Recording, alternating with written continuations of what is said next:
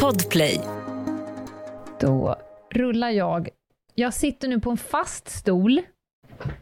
Jag har också en handduk under micken på mitt terrassobord. Och jag har ett halvt glas vin.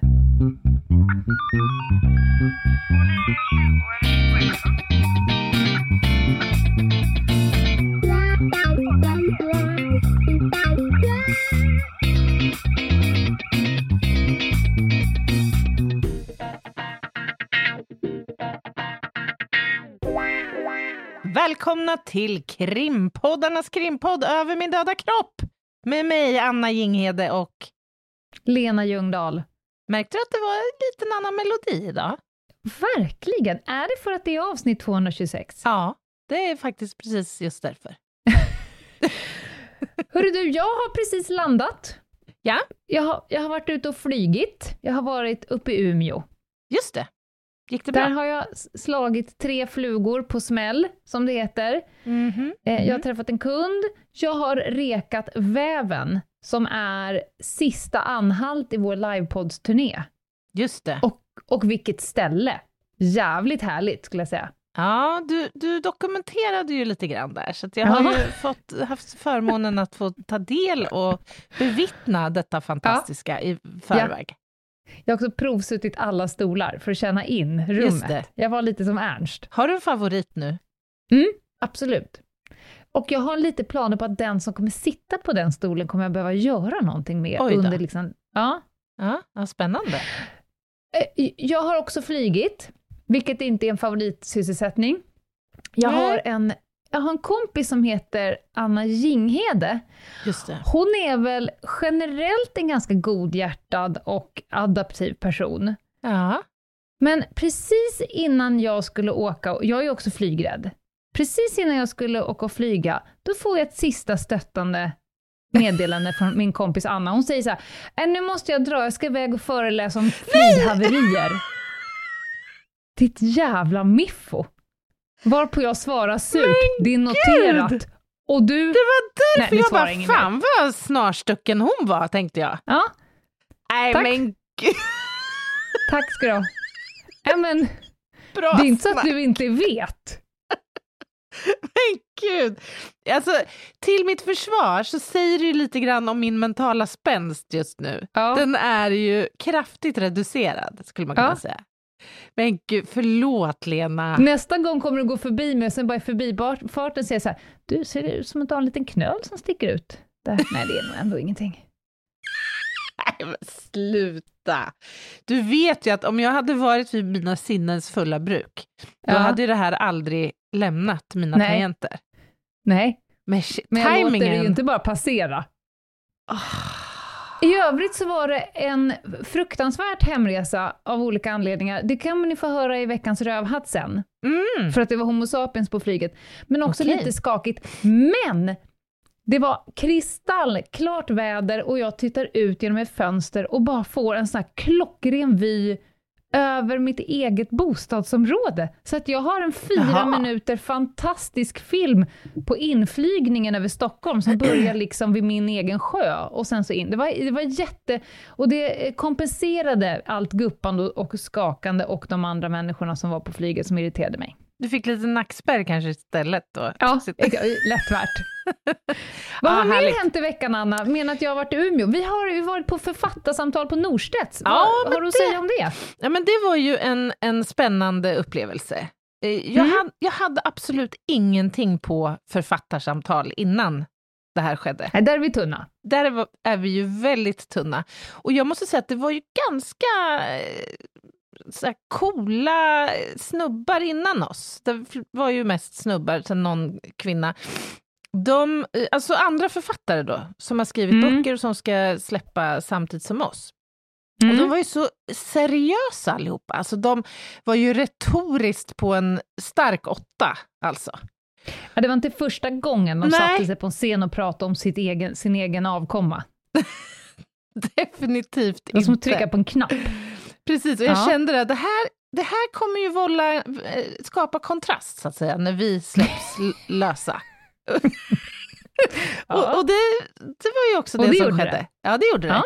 det. Men det var ju oerhört uppskattat, har vi fått eh, veta. Det kom ju fram väldigt många till oss. Det här var ju alltså, vi hade för, eh, det var he, för hela Norstedts interna, alltså säljavdelning, PR-avdelning och sådär. Säljkonferens, ja. För att boken, som fram till nu har bara varit liksom våran och vår förläggare, så ska den ju då bli en bok för hela Norstedt, för att sen bli en bok med hela, alla andra. Just det. Eh, men det var väldigt många som kom fram till oss efteråt och sa att Gud vad sugna vi är på att läsa den här och, och kränga den här boken. Det är Mm. kul. Verkligen. Verkligen. Sen var ju hon, eh, vad heter hon, Susanne Axel, heter hon det? Fråga doktorn. Ja, just det. Hon har ju skrivit en bok. Jag måste säga att jag, jag fick se en helt annan sida av henne. Hon var ju faktiskt Jaha. ganska rolig. Hon har humor. Ja, Du, du uppfattar inte det på samma sätt Ja. som jag? jag tycker hon var exakt så som jag tänkte mig. Ja, okej. Ah, vad roligt. Ah, men jag, jag, jag blev positivt överraskad. Hon var ju ett jävla energiknippe, men jag är lite eh, starstruck på Anneli Jordahl. Mm. Jag har eh, läst några av hennes böcker och sen så var det ju en spännande sömnprofessor, eller var en sömnforskare. Något, Ja. Nej, var han inte Ja, han professor? pro- var professor, ja. Mm.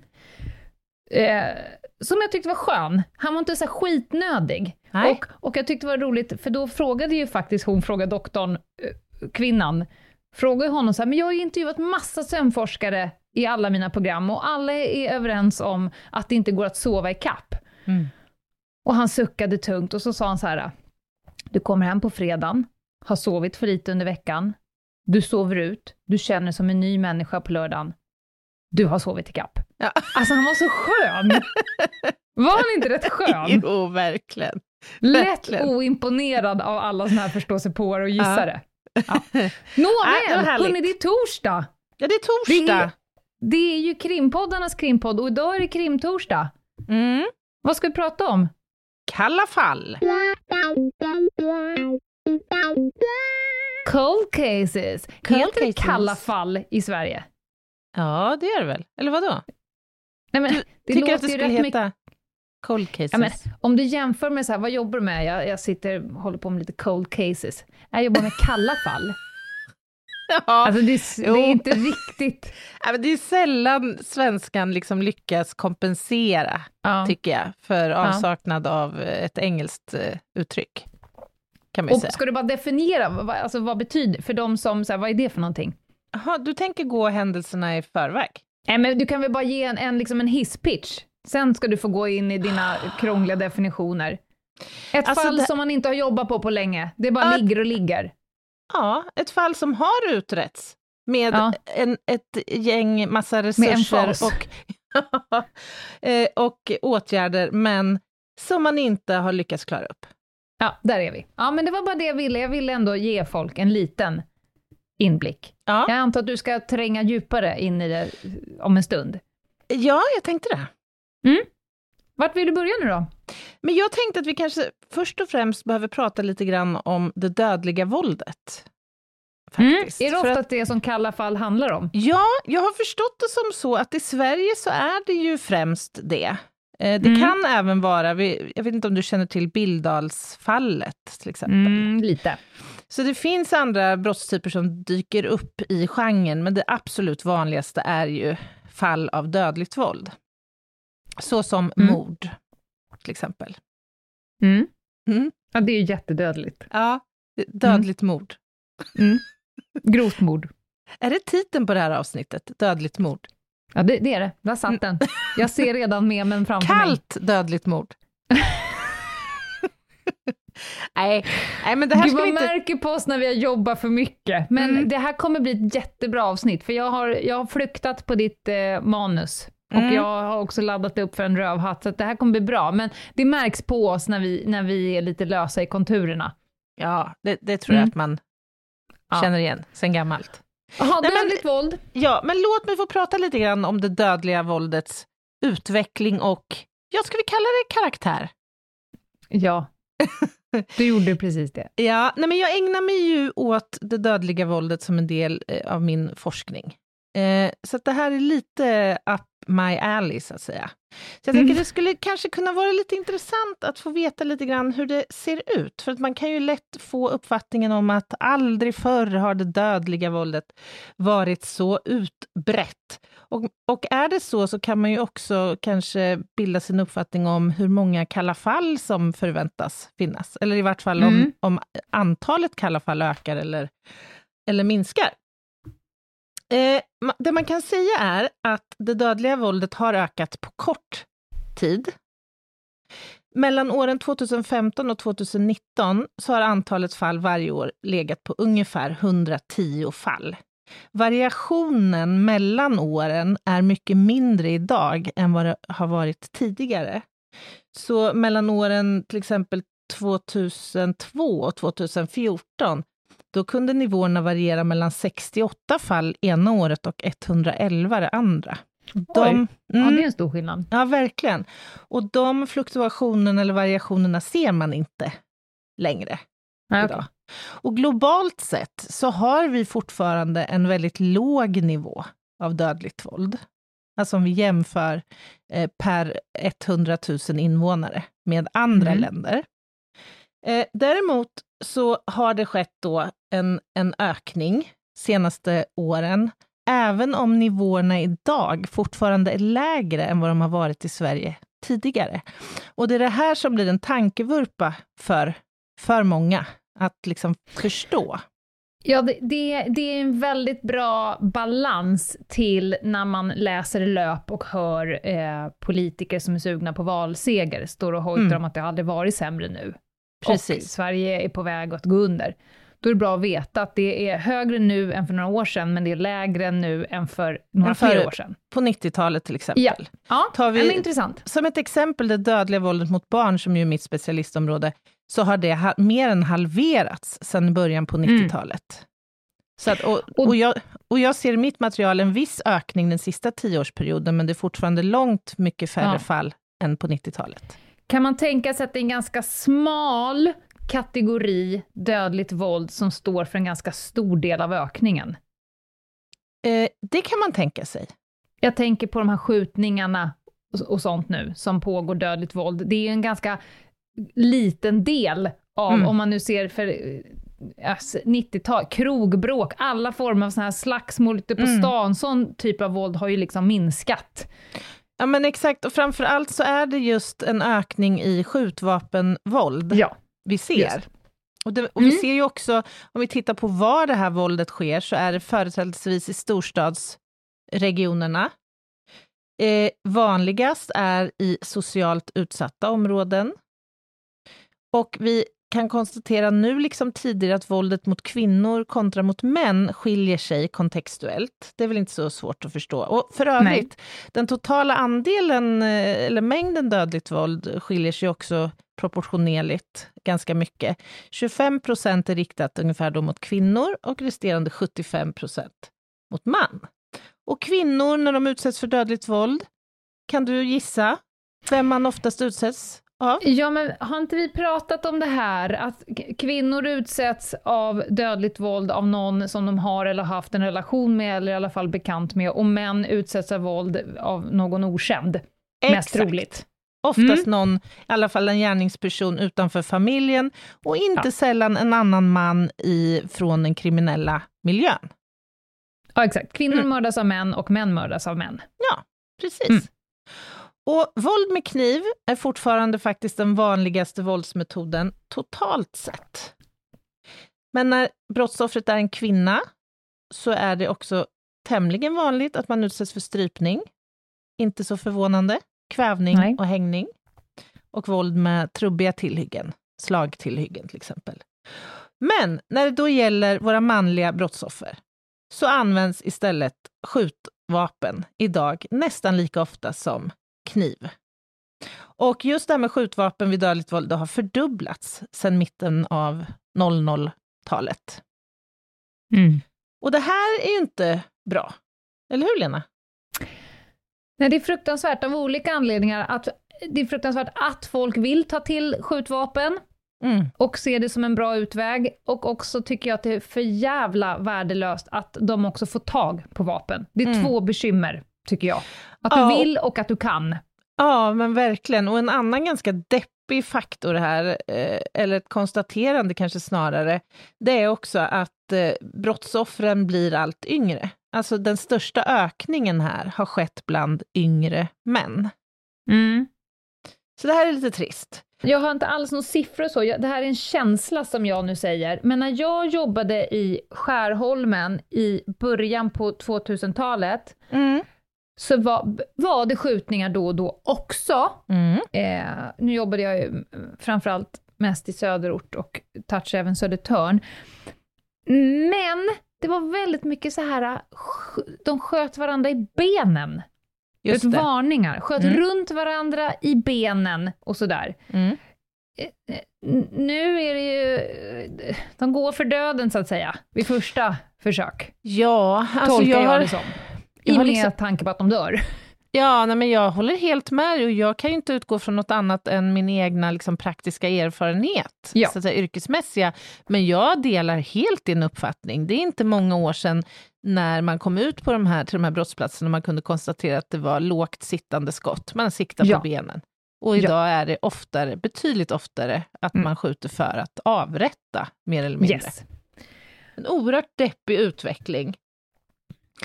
Eh, ska vi prata lite grann om uppklaring av dödligt våld generellt också? Alltså historiskt så har ju Sverige, vi har varit väldigt duktiga på att klara upp de här fallen. Alltså vi har ju legat på uppklaringsprocent i liksom 90 trakten. I, i Det är bra. ganska mång- ja men verkligen.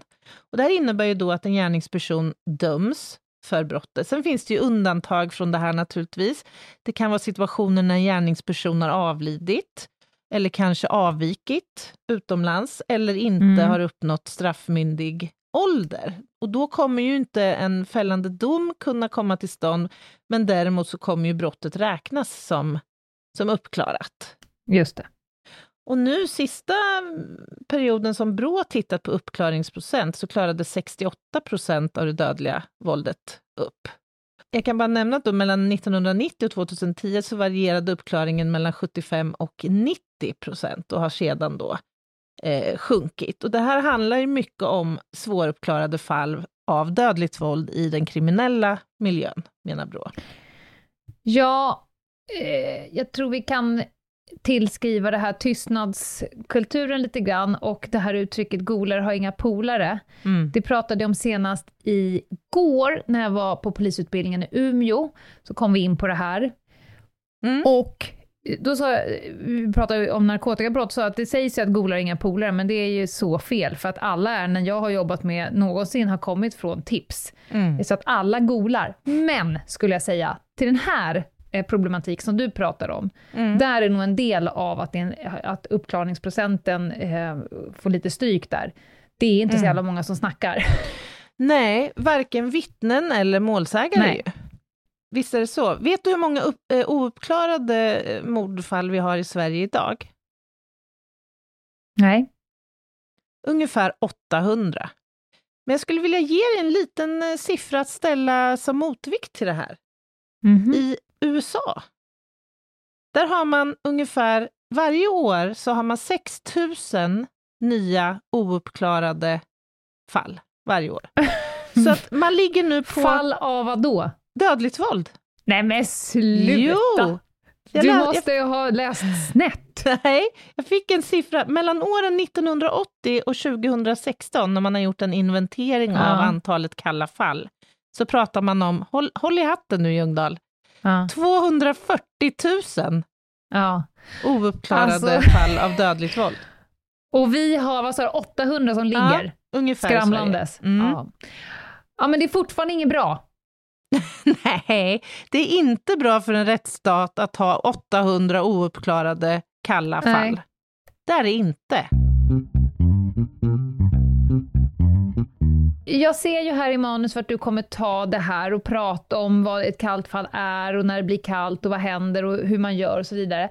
Får jag bara sätta på mig förundersökningsledarhatten och säga några saker? För vi Gärna. pratar ju faktiskt om förundersökningar. Det är det vi håller på att prata om. Ett kallt fall, det är ju en förundersökning som ligger någonstans och man inte kommer vidare med och den är öppen, men det finns liksom ingenting att göra. Men Mm. det kan också vara att man stänger det, eh, man lägger ner förundersökningen. Och då vill jag bara säga några saker, så att ni är med här. All ledning av förundersökning, alltså man utreder inga brott utan en förundersökning i grunden. Och all förundersökning styrs via rättegångsbalkens 23 kapitel. Det är den heliga, eh, the, the holy book av förundersökning. Mm. Och då står det, alltså förutsättningen för en förundersökning är att då ska man utreda vem som är skäligen misstänkt för brottet och om det finns tillräckliga skäl för åtal. Målet ska beredas och man ska få fram bevisning så att huvudförhandlingen kan eh, förebringas i ett och vettigt sammanhang. Det är, liksom, det är anledningen varför man håller en förundersökning. Och då kommer ju då frågan, hur länge kan man hålla på med en förundersökning? Alltså hur länge kan ett, ett ärende bara få vandra vidare i väntan på att man ska hitta Mm. eh, Palmes, eller mordvapnet? Mm. När man har draggat varenda jävla sjö. Sådär. Hur länge kan man hålla på? Och då ska jag säga så här att det finns egentligen bara en bortre gräns för hur länge en förundersökning kan leva. Och det är preskriptionstiden för det aktuella brottet. Just det. Så man tittar på vad det är för typ av brott och då har vi lite olika preskriptionstider och det är 2, 5, 10, 15 års eh, eh, avskrivning. Alltså det, det är då man inte kan bli dömd för det här brottet längre. Men vid mord och de grövsta brotten, då saknas. Då är det Mm. forever. Så Mm. egentligen så skulle man kunna hålla på för evigt när det kommer till mord. Och detta infördes 2010, tror jag man tog bort den. Ja, Sista då tog spärren. man bort 25-årspreskriptionen. Exakt, för det var på mord innan. Mm. Så det är ju den bortre gränsen. Men eh, i, rättegång, eller i rättegångsbalkens 23 kapitel så står det också att en förundersökning ska läggas ner om det saknas tillräckliga bevis mot den Mm. som är misstänkt, eller om det inte finns några spår att följa. Och så är det ju med många ärenden. Man kan komma till vägs ände, man kan ha vänt på alla stenar, Mm. dragit i alla snören och kommit fram till att vi kommer fan i mig inte längre nu, även fast vi vet att någon har blivit mördad. Mm. Eh, men, då ska jag vilja säga så här, en förundersökning kan alltid tas upp igen. Om det. det. kommer fram nya uppgifter eller nya bevis läggs fram. Det kan vara att någon helt plötsligt vill ta bladet från munnen på Mm. dödsbädden och berätta. Eller att man hittar ett mordvapen, eller att teknikerna har utrönat något nytt, någon ny metod som gör Mm. att vi kan ta det och testa en sak till. Då kan man helt enkelt eh, öppna upp förundersökningen. Mm. Så det som definitivt lägger ner själva ärendet, det är preskriptionstiden. Just I det. övrigt så kan man ha den öppen, eller välja att stänga den, öppna den igen om det kommer fram något nytt. Jag vill bara att ni skulle vara med där. Men du, fru förundersökningsledare, skulle man inte kunna också få be om några, för det här vet jag att du kan som ett rinnande vatten. Vilka Mhm. olika anledningar kan det finns, finnas att faktiskt lägga ner eller stänga en utredning? Det finns ju några så kallade nedläggningsgrunder. Ja, det finns eh, massa nedläggningsgrunder och egentligen så vänder man på pappret på den gamla tiden, man klickar i datorn nu för tiden. Och så finns det så här, brott kan ej styrkas, Mm. till exempel. Eh, det kan också vara att den misstänkta eh, har avlidit. Mm. Alltså det finns, det finns massa olika anledningar och så finns det åtalsunderlåtelser. Det är 20 kapitlet, om jag inte minns helt fel, Mm. i rättegångsbalken, som också gör att man eh, liksom stänger ner, man tar ner flaggan. Och det finns massa olika anledningar. Och jag förstår att människor kan tycka att det är jobbigt. Man, eh, det vanligaste är väl att man anmäler någonting. Säg att jag blir av med min cykel, jag anmäler en stulen, och så får jag Mm. hem ett surt brev på brevlådan som säger att, att eh, förundersökningen är nedlagd, brott kan ej styrkas. Mm. Men det kan också vara att man ser att om vi, vi, det går att utreda, men kostnaderna för att göra den här utredningen står inte på något sätt i proportion för brottet som vi håller på att utreda. Man kommer alltså inte tömma eh, hela Polismyndighetens resurser för att hitta den misstänkte som har stulit din cykel. Utan någonstans så kommer man hålla ner flaggan och säga så här, det här kommer vi inte göra. Det står inte i proportion mm. till vinsten. Så det finns massa olika eh, orsaker och då ser man både på den misstänkte och man kan se på ålder och man kan se på liksom hur mycket spår och, och bevis och sådär som finns. För mm. att eh, Därför att det inte ska ligga eh, miljontals öppna ärenden som ingen kan jobba med, ingen eh, borde jobba med och sådär. Då behöver man olika nedläggningsgrunder. Mm, just ja, det. Det var väl det jag ville säga eh, nu när vi ändå ska prata om de här casen som lever och lever och lever och lever. Ja, men exakt. Och vi nämnde det ju inledningsvis, men det kanske kan vara bra att repetera. När blir ett fall kallt? Eller cold? cold, cold. Ja, när blir det det? Finns det, finns det en, en, en, liksom en, en definition med svung? Ja, det finns en definition och det är lite intressant för att jag konstaterar när jag läste på lite om Kalla fall att länder har ganska varierande definitioner, men den som används i Sverige eh, det är när ett fall av dödligt våld har utretts med alla de resurser och åtgärder som normalt används vid denna typ av utredningar och ingen skyldig gärningsman alternativt gärningsmän bortom rimligt tvivel kunnat bindas till brottet ska brottet räknas som ett kallt fall. Mm. Och det vanligaste är ju då att det blir kallt just i de situationer som du var inne på, nämligen när polisen inte kan komma vidare i en utredning. Eh, och ett ärende anses ju vara då olöst tills en misstänkt person alltså har identifierats, åtalats och prövats i förbrottet. Eh, och, och, då kan det ju såklart inte heller då eh, leda till en fällande dom. Och vad händer då? Jo, det finns idag eh, särskilda utredningsgrupper knutna till de olika polisregionerna i Sverige som jobbar med kalla fall. Och de står ju då redo naturligtvis att när och om ny information eh, uppdagas eller framkommer så kommer man aktivt liksom kicka igång en utredning igen.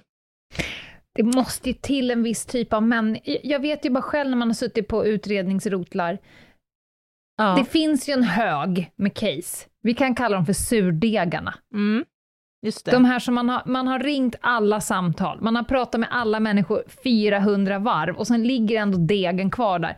Det ska ju till en särskild personlighetstyp för att sitta i en kalla fallgrupp och bara, vi tar det en gång ja. till. Eller sitta i väntläge då såklart att det dyker upp någonting. Då, då blir det ju blodvittring. Ja, men vet du, en sjuk grej, jag tänkte på det här nu när jag läste på lite. Du har ju frågat någon gång så här, om du inte skulle jobba som tekniker, vad skulle du göra då? Då skulle jag älska att vara knuten till en eh, Kalla fall-grupp. Jag är noll procent förvånad, det är precis ditt tempo. Ja, ah, mitt Vad tempo... gjorde du idag då? Ah, det hände ingenting i ärendet idag heller. Vad fan! Drömdag! Tänk att få gå igenom alla, liksom, hela utredningen, förutsättningarna att kunna forensiskt jobba vidare med ett ärende. Dröm! Och i ett behagligt tempo. Men är det ett kallt ärende om det finns saker att dra i? Ja, det kan det ju vara. Därför att... Na, det börjar ju börja bli ljummet i alla fall om, om kriminaltekniker springer runt och gör massa forensiska saker i ärendet. Då är det, då är det i alla fall lite fisljummet ärende. Ja, men så här. Låt säga att ett ärende, eh, eller ett mord har skett i slutet på 80-talet. För det var ju så mm. när man införde preskriptionsregeln, mm. att man, den skedde ju retroaktivt. Så att mord som hade begåtts 80, 1985 och senare eh, skulle då innefattas av den nya, det nya regelverket. Just det. Och vad hade vi på DNA-teknik i slutet på 80-talet? Not so much. Idag Nej. har vi helt andra förutsättningar, vilket ju kan innebära att det kan vara ett uppslag. Att gå tillbaka, sätta sig in i, läsa igenom, vrida och vända och se, finns det spår säkrade som vi idag kan komma längre med? Mm. Ja, men det kan jag förstå, tillfredsställande. Jag ska bara nämna några sådana här specialomständigheter som kan göra ett ärende kallt. Det kan ju vara så att vissa fall kan betraktas som polisiärt uppklarade men där det kan framkomma ny bevisning som kan peka en helt annan riktning. Alltså Mm. man... Är du med? Ja. ja, men det är ett roligt begrepp, att det är polisbevisat. Exakt. Mm. Det är det faktiskt. Det kan också vara så att man anträffar mänskliga kvarlevor. Och det är först när de anträffas som det konstateras att kroppen har utsatts för brott. Just det. Och då blir det ju från start så att säga kallt egentligen. För att du har ju missat kanske då 20 års eh, utredningsmöjlighet. Mm. Liksom. Det kan också vara så att ett ärende från början har klassificerats som ett olycksfall eller som ett suicid. Men där det många år senare framkommer information som gör att det pekar i en annan riktning och du då får så att säga inleda en mordutredning. Mm, jag tänkte innan vi går vidare, jag tänkte nämna bara jättekort några eh, gamla kalla fall som eh, tid efter annan dyker upp i media. Och det är ju ingen slump att de gör det, utan det kan ju vara påkallat av polisen naturligtvis. Att man vill få allmänhetens hjälp och det kan vara media själva som väljer att belysa de här. Minns du det oerhört tragiska rånarmordet på Emil Rit, eh, Rittbo, Ja. Ja. lilla eh, pojken? Ja. Det här utspelas ju då 1993, tror jag. Det, det var, skedde ju i anslutning till ett väpnat rån i Mm. Hörby. Och det var ju under rånarflykten eh, som en eh, personbil följde efter rånarna. Och rätt som det var så stannade de och öppnade eld helt enkelt mot den här personbilen och den här lilla pojken satt i passagerarsätet bredvid sin pappa. Mm. Så oerhört ledsamt. Och man har haft eh, en misstänkt för det här eh, mordet så sent som 2015, alltså 22 år efter Mhm. brottet skedde. Vad var det som ledde fram till det då? Jag vet faktiskt inte riktigt, jag är inte insatt i, i Nej. ärendet. Eh, men jag vet att misstankarna avskrevs mot honom. Du minns säkert också Fryshusmordet, Ja. Anders Gustafsson, nyårsafton 1994, mot då 16-åriga Anders Gustafsson, eh, som anträffades då, ja, han var på fest, ska väl kanske nämnas då, hos eh, skinn, Skinnhuvuden, var det inte det? Ny, någon nynazistgäng, va? Ja, det låter inte helt ofamiljärt. Han hittade alla, hittades ju mördad i en lagerlokal i alla fall, några hundra meter från eh, Fryshuset och hade utsatts för ett enormt kraftigt våld och dessutom en stympning av sin ena hand. Eh, och man har faktiskt 23 år senare, alltså i 2018 i augusti, så hittades en plastpåse med en hand. Eh, men problemet var att den här personen som hittade den här påsen släppte den och drog. Så han tog inte Mhm. vara på den så att man kunde säkra den. Och sen när polisen gjorde efterforskningar så hittade man den inte. Men- Och det var ju synd, för på den där plastpåsen hade det kanske kunnat gå Ja. att hitta spår. Stuvkällarmordet på Marie Johansson i Göteborg. Mm. Butiksbiträde, 36-åriga Marie Johansson, som mördades. Eh, också ett väldigt speciellt ärende. Hon överfölls alltså i butiken. Eh, och hon anträffades dagen därpå mördad. Eh, och eh, ja, det här är också då ett annat exempel på eh, ett kallt fall, men som skiljer sig lite från andra, för att här finns det DNA säkrat. Och man har topsat en massa olika, håll i nu, kvinnor. Vilket kanske är lite förvånande, men man gjorde en analys av de här DNA-spåren så kunde man konstatera att det var en, från en avsatt från en, eller av en kvinna med ursprung i Sverige, Balkanområdet eller sydöstra Europa. Så att, och här har man ju jobbat aktivt i omgångar också och släppt bland annat en fantombild på den misstänkta mördaren och så. Men man har inte lyckats lösa det Hur har ärendet. man kommit fram till den då? Är det vittnesuppgifter eller? Det är utifrån eh, DNA-analyserna skulle jag tro. Jaha, Mm, okej. så som man gjorde i Linköpingsärendet. Ja, just det. Men du, vad är det som händer då med ett kallt fall? Eh, alltså, vi har varit inne på det att det, det ofta finns då svårigheter att utreda de här ouppklarade ärendena. Och när det då lämnas över till en sån här utredningsgrupp, så blir ju en första utmaning att försöka lokalisera det fysiska ärendet. Jag menar, tänk dig själv ett ärende som skedde då, kanske i slutet på 80-talet, på någon, mm. i något polisdistrikt i Sverige. Mm.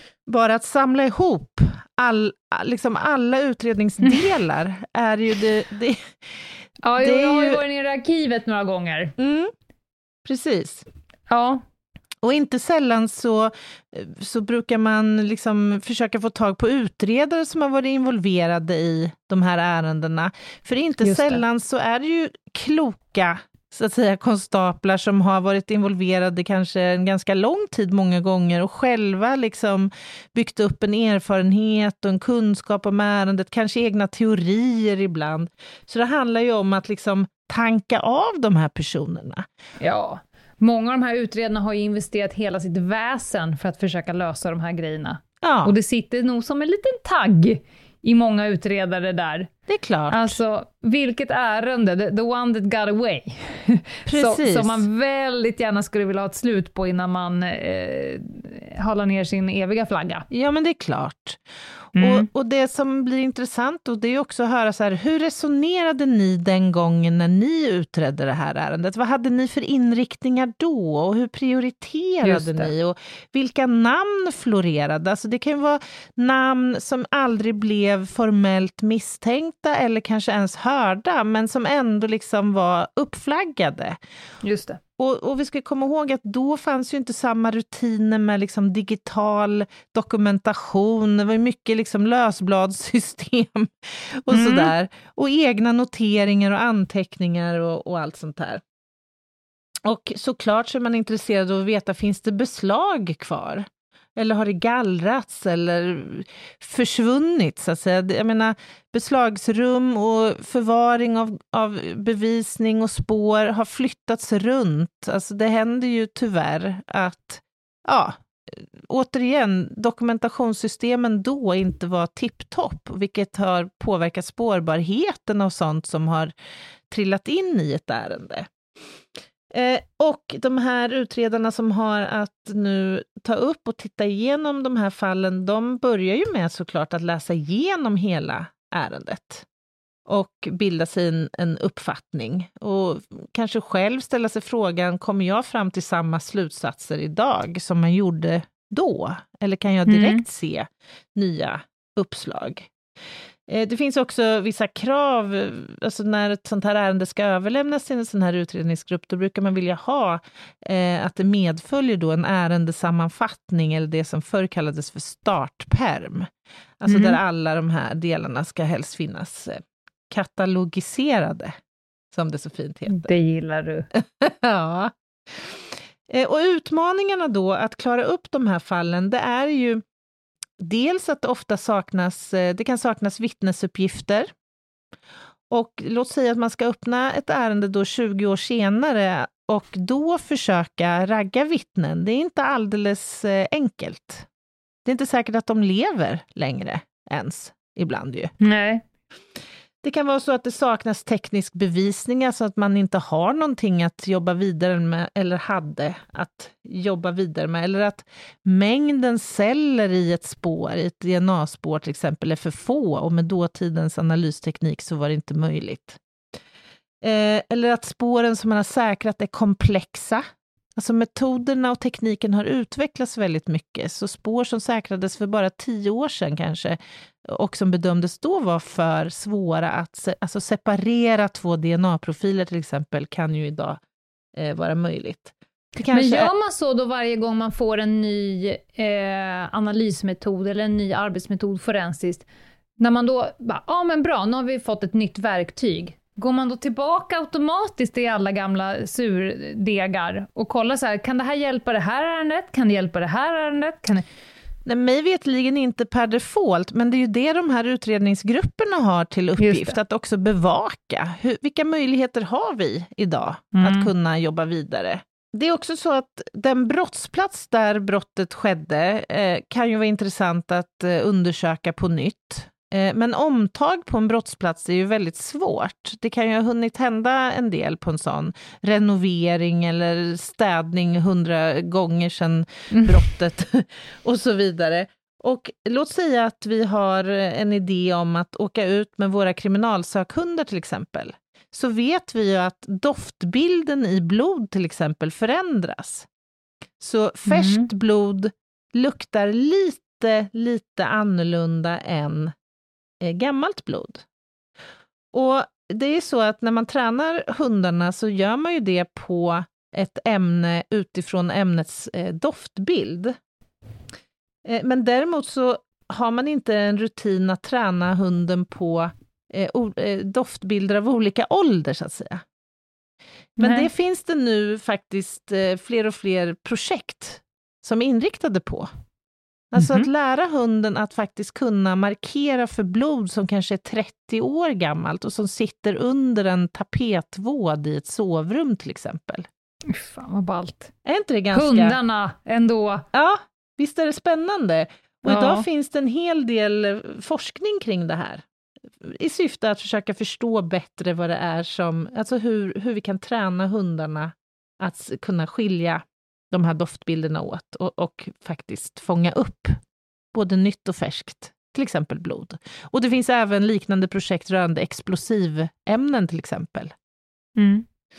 Det tycker Coolt. jag är coolt. Ja, jag ser det. jag hör det. Men apropå hund så behöver jag gå ut och kissa med Doris nu, så vi får ta en paus. Ja, det gör vi. Ett poddtips från Podplay. I fallen jag aldrig glömmer djupdyker Hasse Aro i arbetet bakom några av Sveriges mest uppseendeväckande brottsutredningar går vi in med hemlig telefonavlyssning och, och då upplever vi att vi får en total förändring av hans beteende. Vad är det som händer nu? Vem är det som läcker?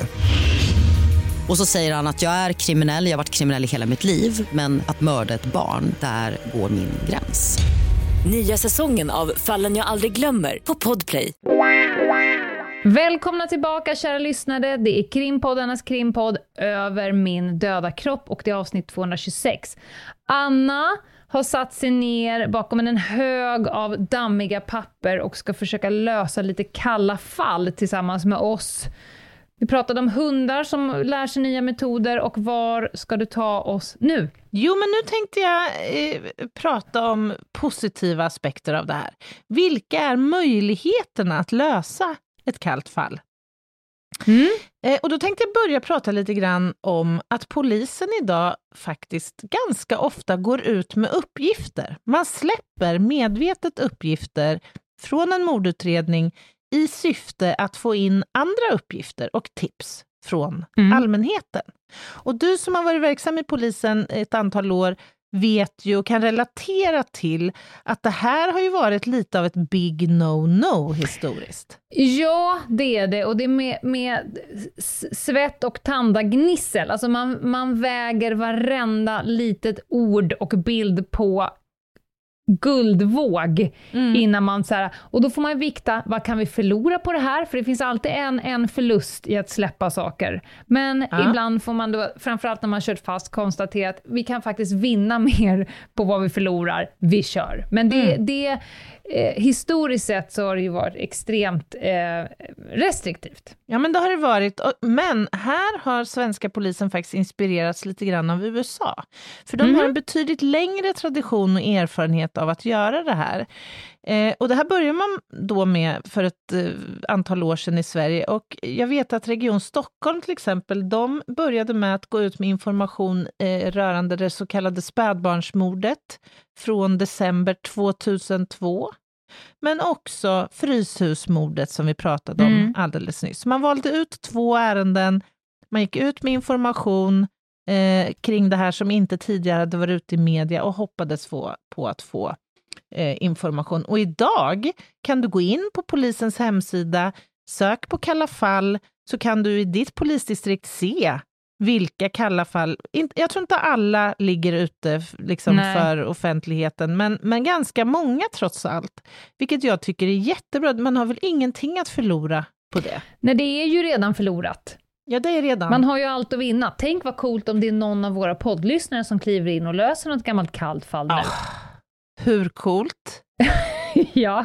Det, jag kan utlova här och nu att om det skulle ske, den som lämnar ett avgörande tips och klarar upp till exempel spädbarnsmordet 2002 kommer för evigt få gratis merch av Ljungdahl och Ginghede. Ja. ja.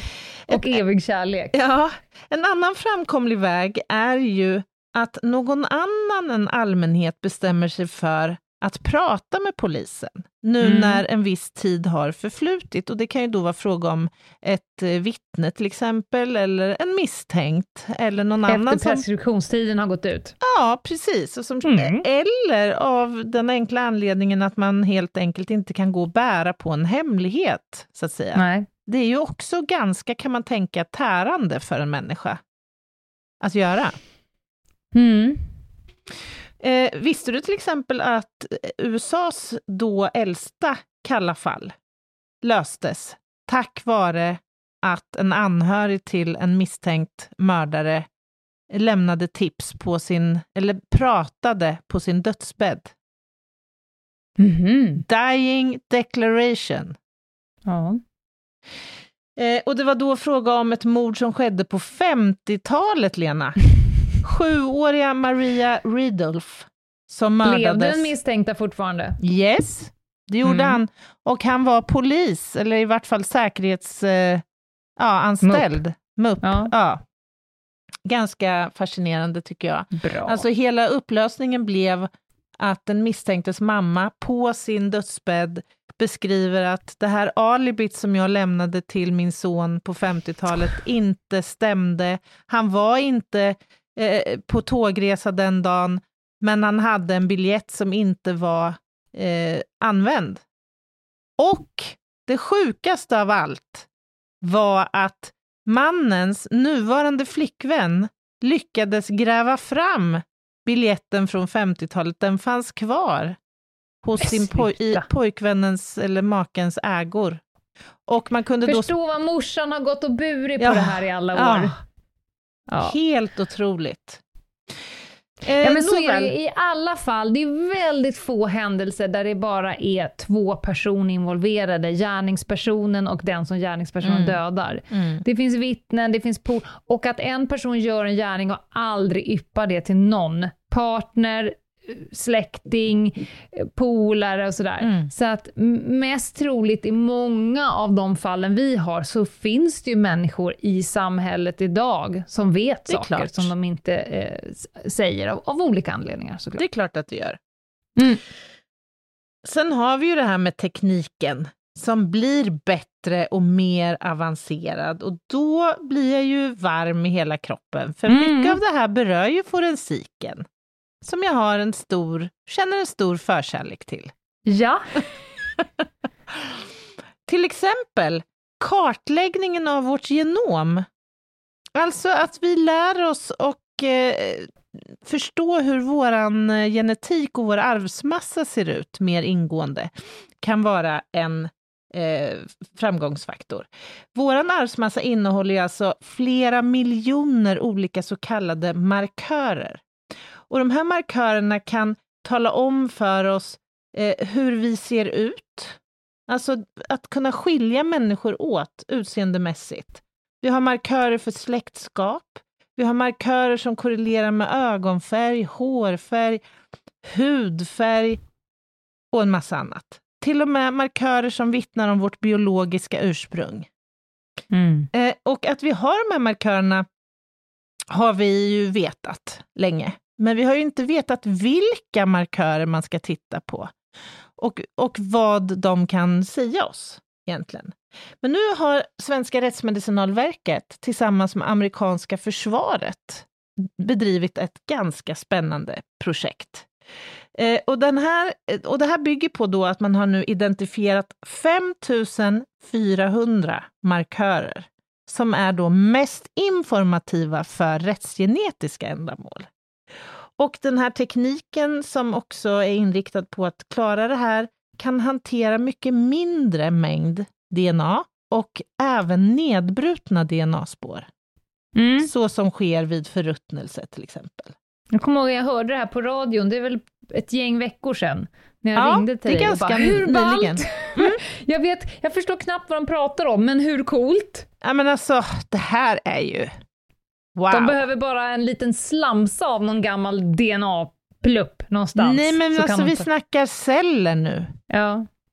Och att amerikanska försvaret är så involverade i det här, det beror på att de har till uppgift att identifiera då offer, amerikanska soldater som har stupat Mm. i krig. Eh, och då måste det ju finnas någon slags referens till den man tror liksom att kroppen kommer ifrån, till exempel ett DNA-prov från en, en eh, släkting. Eh, men det är inte alltid man har ett jämförelsematerial, utan man kanske bara har så att säga en kropp och att utgå ifrån. Spännande. Sen har vi det här med DNA-släktforskningen. Och det tror jag att många kan relatera till idag, eftersom den tekniken för att identifiera en gärningsman har ju ganska nyligen genomförts i Sverige med ett väldigt Mm. härligt resultat, nämligen Mm. en fällande dom för dubbelmordet i Linköping. Eh, och det här är ju en lovande teknik. Det handlar ju om att eh, alltså en möjlighet att kunna identifiera utifrån ett säkrat spår, en säkrad DNA-profil på en brottsplats, kunna söka efter släktingar. Om nu inte den här personen som har avsatt sitt DNA finns i några register, så kan man istället försöka eftersöka en familjemedlem eller en släkting till den personen och på så vis försöka klarlägga Börja ringa in. Ja, Mm. exakt. Och det här var ju eh, otroligt spännande såklart, men här har vi ju stått, stött på lite patrull i Sverige, för här kom Integritetsskyddsmyndigheten fram till att svensk polis saknar lagstöd för att faktiskt använda ja, men personuppgifter och biometriska uppgifter i de då kommersiella DNA-databaserna. Du vet de här som Kreti och Pleti eh, Mm. Man ger till Gör- varandra julklapp. Precis. Exakt. Och det här är ju, och dessutom, det är ju en metod som såklart väcker vissa etiska frågor, eftersom polisen får ju nu då, eller skulle ju kunna få tillgång till information om människor som inte alls är misstänkta för brott, men som per se kan bidra till uppklaringen av ett brott. Eh, det här är ju då, it's an ongoing process kan man säga. Eh, Mm. Det, fin- det är otvivelaktigt så att svensk polis och särskilt Kalla fall eh, De är för. de är kraftigt för, såklart. Och det finns ju många andra sådana här kalla fall av de här 800 som såklart det finns säkrade DNA-spår som Mm. faktiskt kanske skulle kunna, till exempel Marina-fallet som jag pratade Mm. om i eh, Göteborg. Så där har vi att avvakta och se vad som händer helt enkelt. Okej. Vi har också förfinade DNA-analysmetoder rörande mängderna av DNA som krävs för analyser. Eh, och ja, analysmetoderna blir helt enkelt allt mer förfinade, så att man idag kan undersöka enstaka celler. Alltså kanske 15 celler kan räcka för att eh, få fram en, en komplett DNA-profil.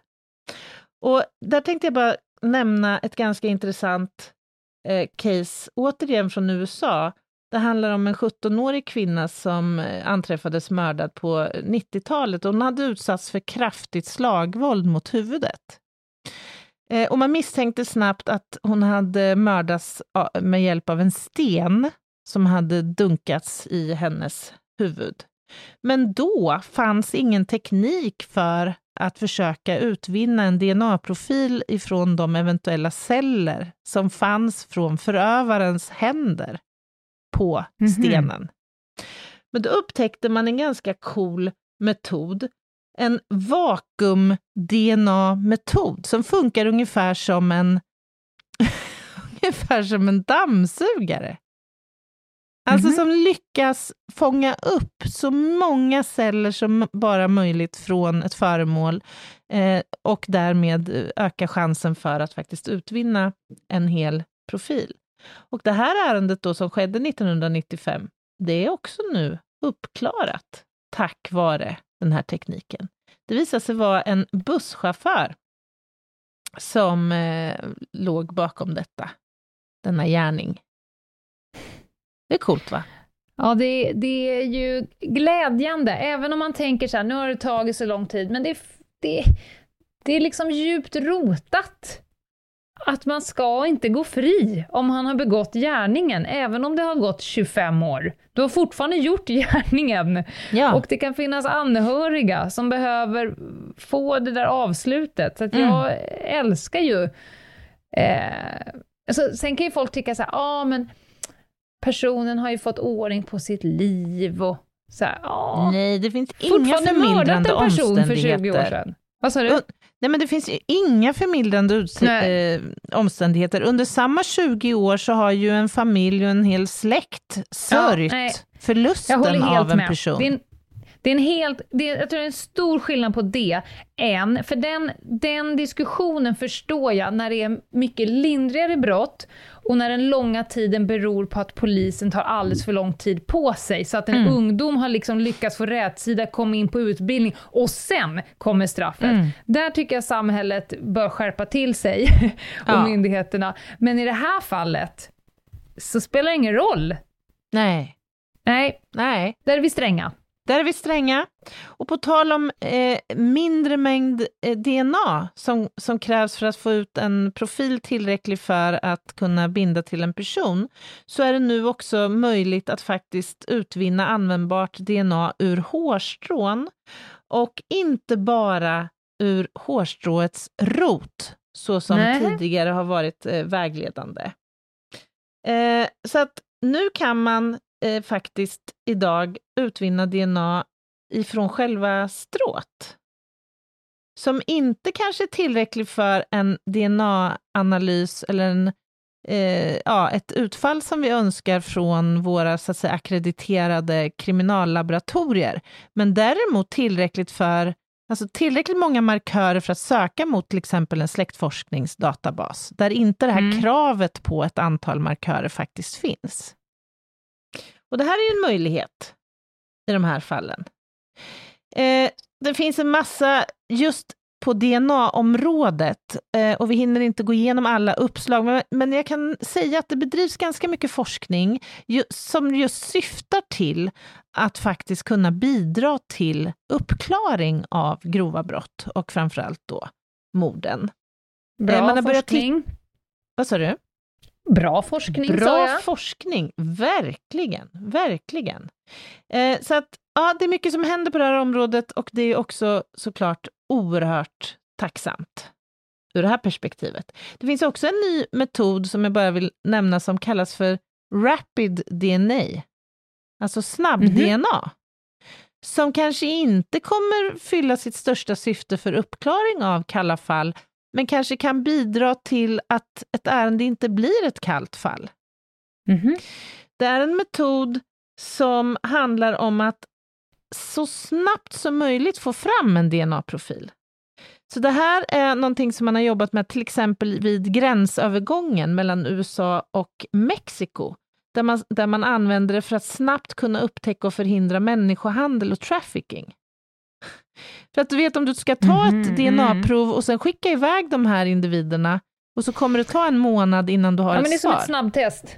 Det Det är är som att pissa och stoppa ner en sticka i väntan på att du skickar in urinet och så får du vänta sex veckor. Precis, låt säga Mm. att en människa kommer med ett barn som man hävdar är sitt eget. Ja. Så kan man där Man får och en då... stark indikator, men inte en sanning. Ja men precis, och det här Mm. innebär ju förlängningen att redan på en brottsplats så kanske vi kan få fram DNA-profiler från olika områden och redan där och då ringa in och fånga in personer som snabbt kan hämtas in till förhör, som snabbt kan delges kanske misstanke och som snabbt fångas upp i en utredning. Är inte det, Det här helt fantastiskt? Ja, Jo. verkligen.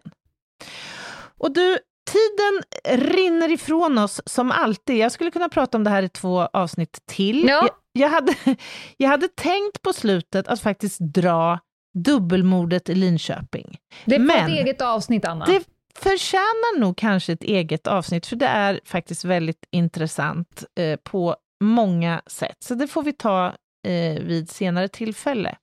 Och istället får vi runda av det här med Kalla fall och eh, gå in lite grann på samhällsinformationsdelen. Men först måste jag säga att det var väldigt intressant. Alltså jag känner själv att jag uh, fejdar ut, för, alltså, så fort du börjar prata DNA och sånt, det är för mig så bara, säg vem det var.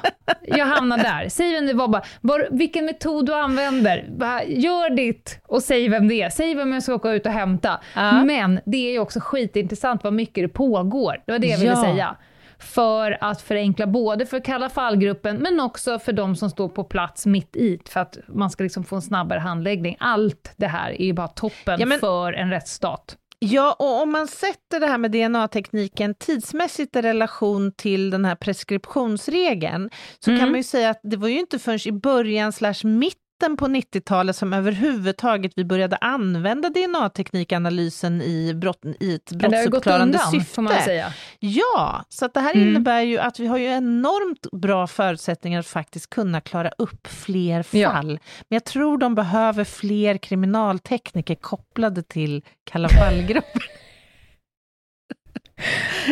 I alla fall en. Jag tycker att du är tydlig. Ja. De som inte förstod den där passningen. Ja. Ja, nej, skämt åsido, det är faktiskt, det skänker hopp. Och det är ju någonting som vi ofta efterlyser när saker och ting känns lite deppiga. Ja, det är absolut. Mm. Bra jobbat Anna. Vad sa du? Samhällsinformation ska vi köra innan eh, jag surar ur på någon.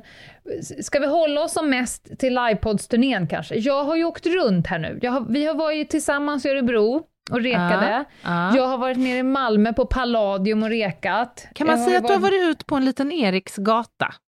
Ja, men som jag brukar säga vid alla former av operativa och strategiska insatser så är rekfasen A och O.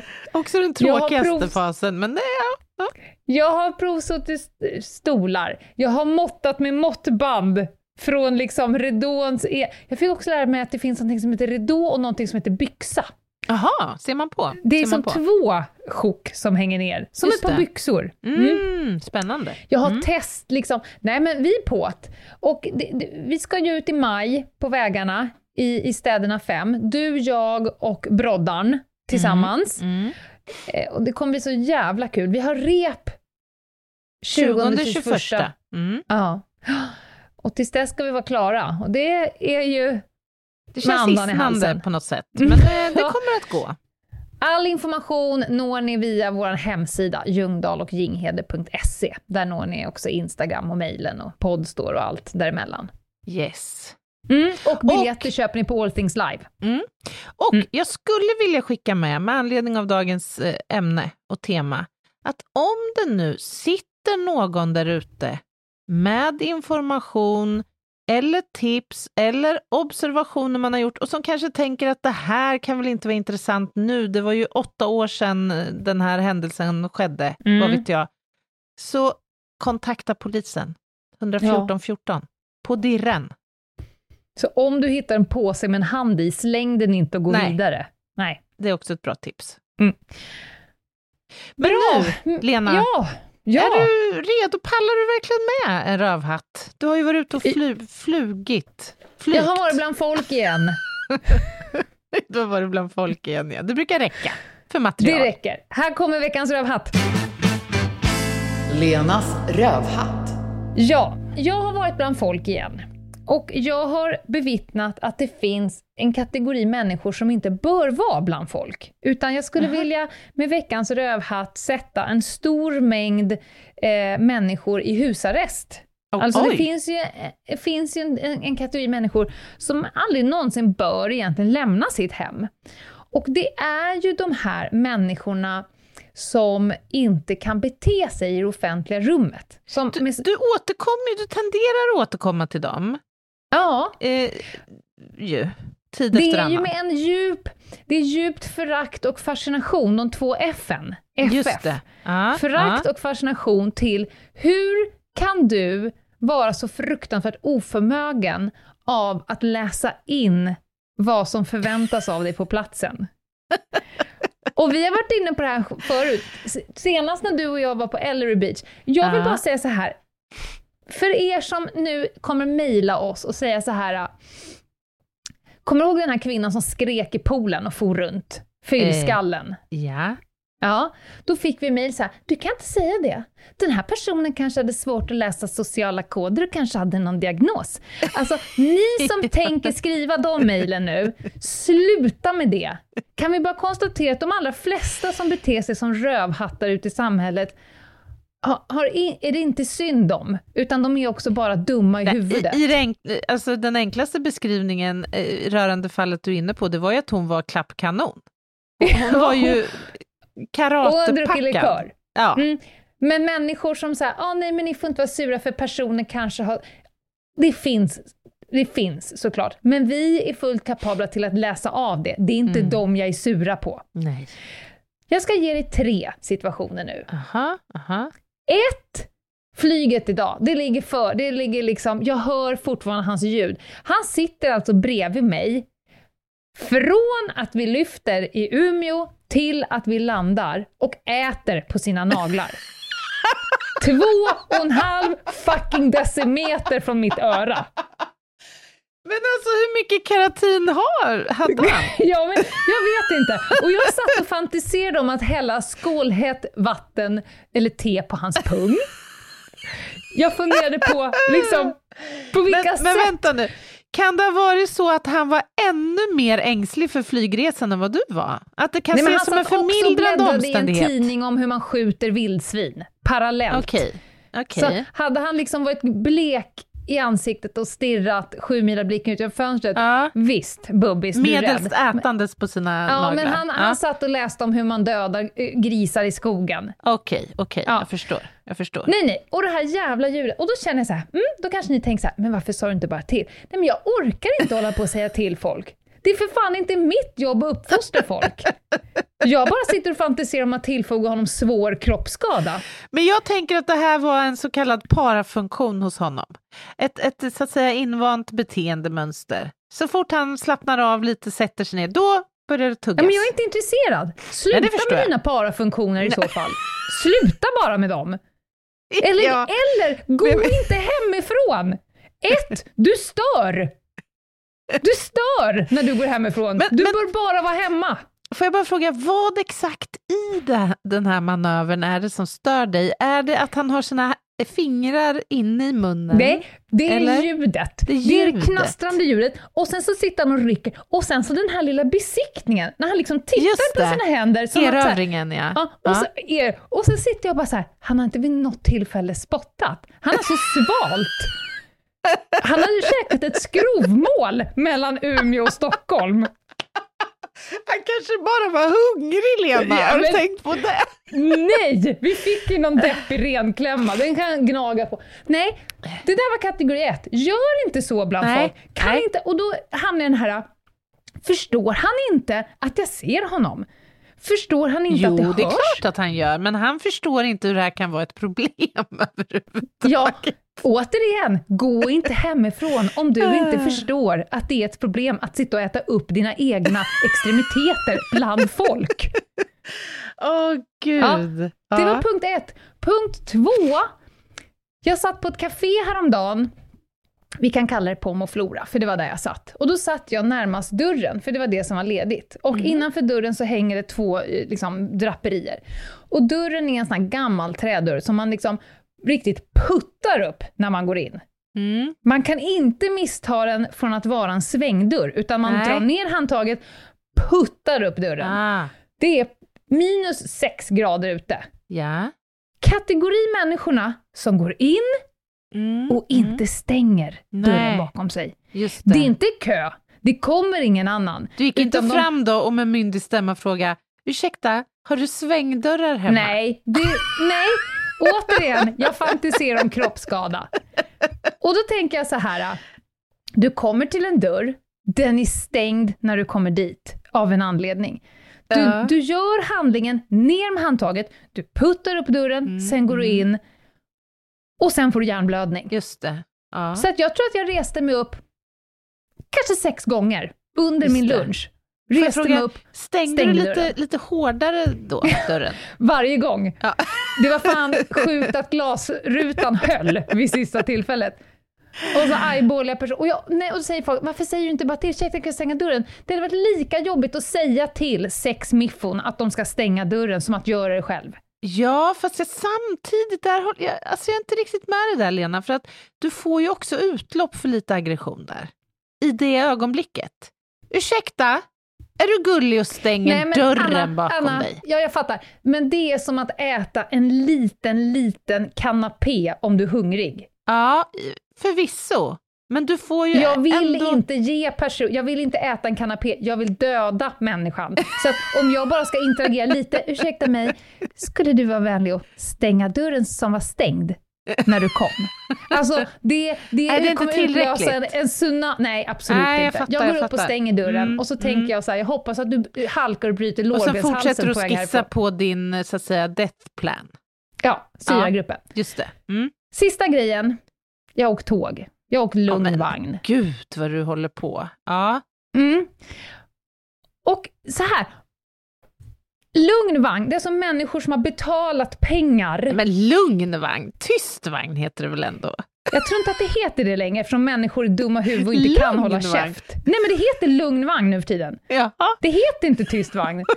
För de har tänkt så här, vilka av att göra med? Är det någon art som liksom är adaptiv? Nej, nej, vi pratar om homo det kommer aldrig funka med tyst vagn, nej. tänker SJ. Vi drar ner till lugn vagn.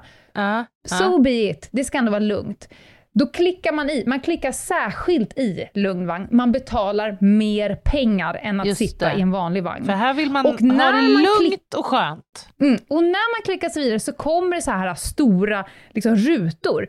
I den här vagnen ska det vara tyst, samtal ska vara lågmälda. Du ska vara teknik... lugn i den här vagnen. Ja. All teknik ska vara liksom, ja. du ska ha hörlurar, det får inte...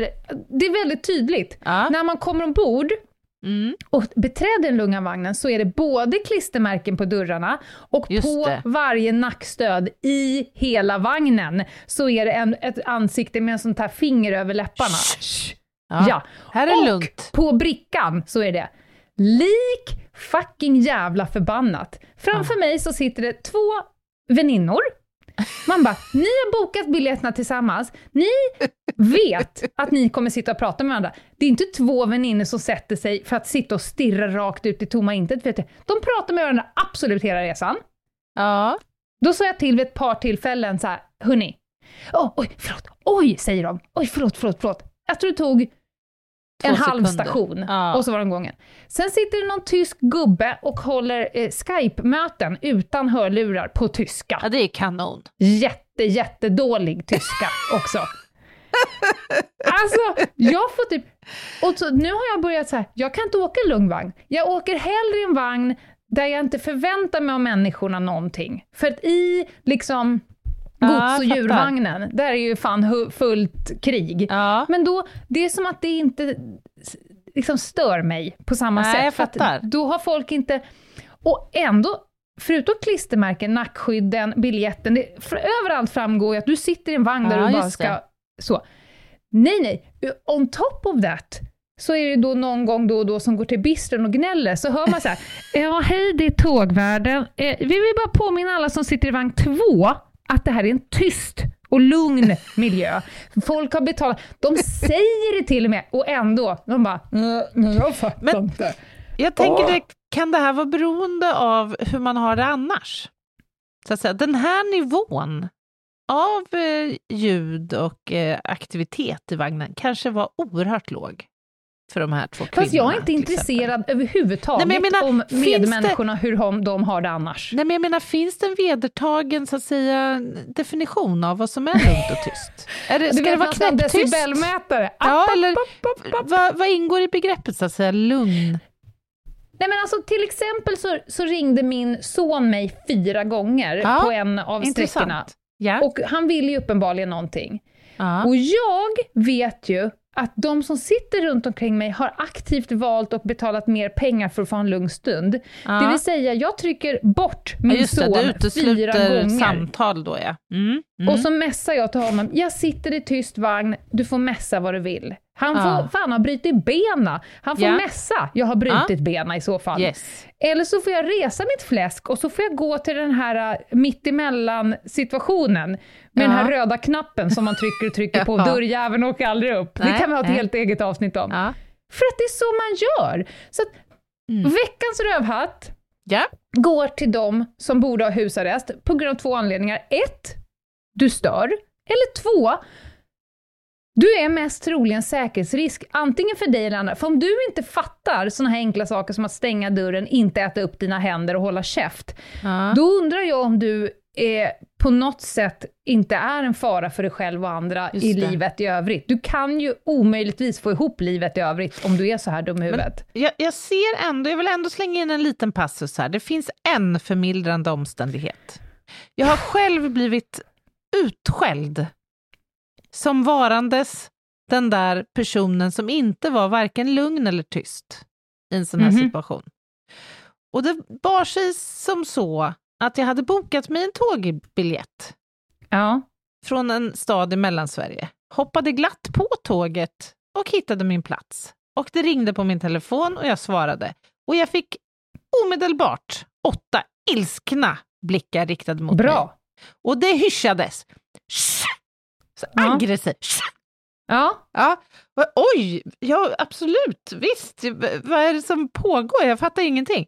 ja, du För- visste inte att det var ett Nej, tyst nej. Jag hade ju då bokat en plats. Jag, jag hade inte önskat en tyst... Jag skulle aldrig önska en tyst eller lugn plats på ett tåg. Nej, det förstår jag. Ja, men nu hade Du jag vill ju fått sitta det. och snacka med en random människa, bara vem som Exakt, helst. Exakt. Ja. Det här dödar ju all lust till social Mm. interaktion.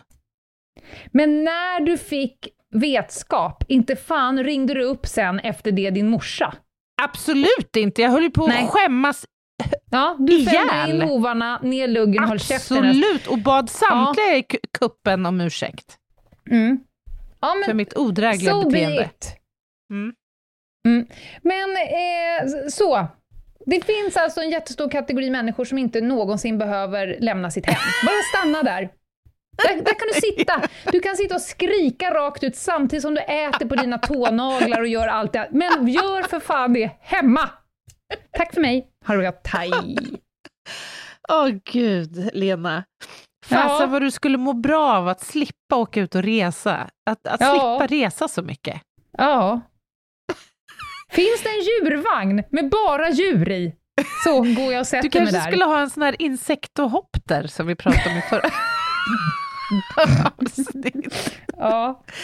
Fy Ja, fan nej, alltså, hörni. det är så mycket fel på människor. Jag tycker Ja. verkligen, verkligen inte om människor. Nej, Men det kanske Det- har framgått. det har framgått ja. Absolut. Mm, tack. Det har det gjort. Då så, Eh. då får vi nog stänga biblioteket för den här gången. Ja, det får vi göra. Det måste vara världens längsta avsnitt. Ett av dem, tror jag. Ja, ett av dem. Men det bjussar vi så gärna på. På måndag blir det spaning igen och nästa vecka, kan flagga för det redan nu, nästa vecka har vi samarbete med Polismyndigheten och om du satt med fukt i blick den här gången när du fick prata om DNA från alla tänkbara håll, så kommer vi nästa vecka prata om eh, spaning. Oj! Tackar, tackar. Wow. Ja. ser fram emot. Tills dess, ta hand om er. Ha det bra. Bye, bye. Bye, bye.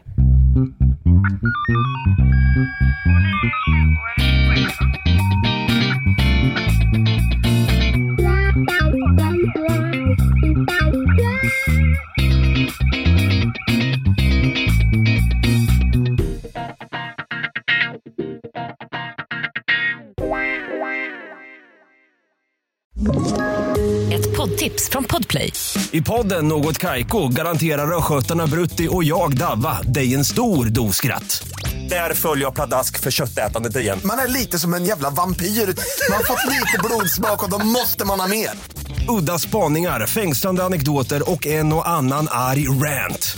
Jag måste ha mitt kaffe på morgonen för annars är jag ingen trevlig människa. Då är du ingen trevlig människa, punkt. Något Kaiko, hör du på Podplay. Därför är gardinerna.